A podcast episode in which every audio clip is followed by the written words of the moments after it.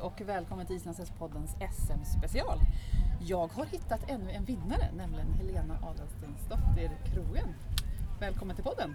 Hej, tack så mycket! Och stort grattis Jo, till tack. dina medaljer! Ja, det var väldigt eh, roligt Ja. måste jag säga.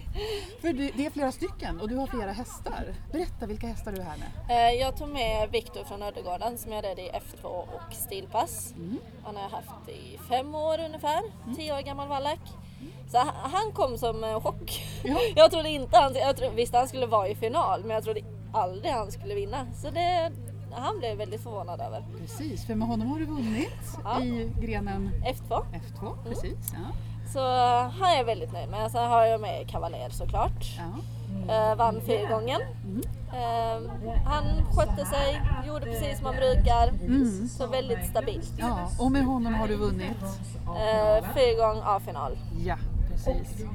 Eh, hur, hur har du laddat upp inför det här SMet? Ja, eh, inte gjort något speciellt egentligen. Tränar som vanligt, håller hästen pigg och fräsch, inte träna för mycket så den blir trött.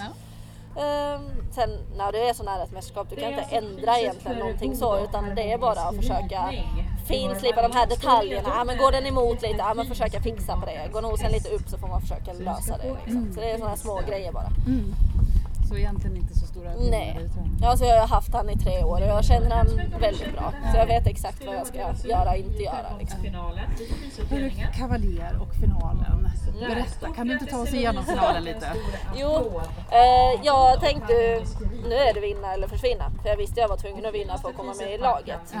Ehm, så det var lite, men eh, efter skritten då kände jag nu kan jag börja safea, inte mycket, men lite lite grann. Inte chansa på någonting. Ja. Ehm, inte råka att han drar iväg eller någonting sånt utan safea lite. För då låg jag ändå så pass överlägset. Så jag tänkte får jag nå sjua istället för sju femma så går det bra. Mm. Så du hade koll på Ja, poängen? det hade jag. Ja. Jag har alltid koll på poängen. Ja. Jag rider alltid väldigt taktiskt och Ja. speciellt eftersom efter galoppen så är det ökat tölt. Han är lite trött. Ja. Och då vill jag inte pusha han för mycket så att han slår upp. Eller, och så Mm. Då hamnar du på en 5-5 helt plötsligt. Då har du tappat allt. Ja, precis.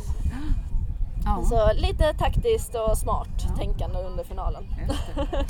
Och sen, eh, när, när förstod du att du hade vunnit? För vi som stod och tittade på, vi hade dig och din mamma Unn utanför i Collecting Ring. Ni stod bredvid varandra. Mm. Visste ni vem som hade vunnit? Eh, Jag hade nästan räknat ut det. Ja. Efter jag fick poängen för ökade så tänkte jag att det måste ha gått hem. Ja. För att det var så pass jämnt. Mm. Jag, hörde, jag har ju alltid koll på vad de andra får också. Så jag hade väl i princip räknat ut det. Ja. Det. Hur kändes det när du Ja, fick det på var- tegertäcket? Vad skönt! Får ju försvara en titel. Det är alltid skönt. Det är alltid skönt att kunna prestera som bäst när du är på ett mästerskap. Mm. Så är det ju och det är då det gäller. Ja.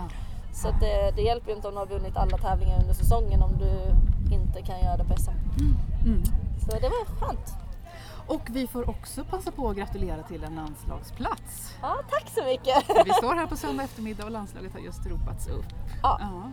Hur ser planen ut framåt? Ja, det är bara att träna på, hålla hästen glad och frisk och sen eh, köra järnet på VM helt enkelt. Absolut. Det var ju 10 år sedan jag red i Holland sist. Ja. Då var jag 16. Ja. Ehm, så det är 10-årsjubileum. Ja. Sen vi kan göra lika bra som vi gjorde då.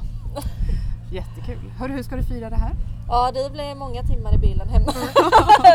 Sen får vi väl ha lite ledigt imorgon och fira lite. Stort grattis och stort lycka till på VM önskar vi på podden. Ja, tack så jättemycket!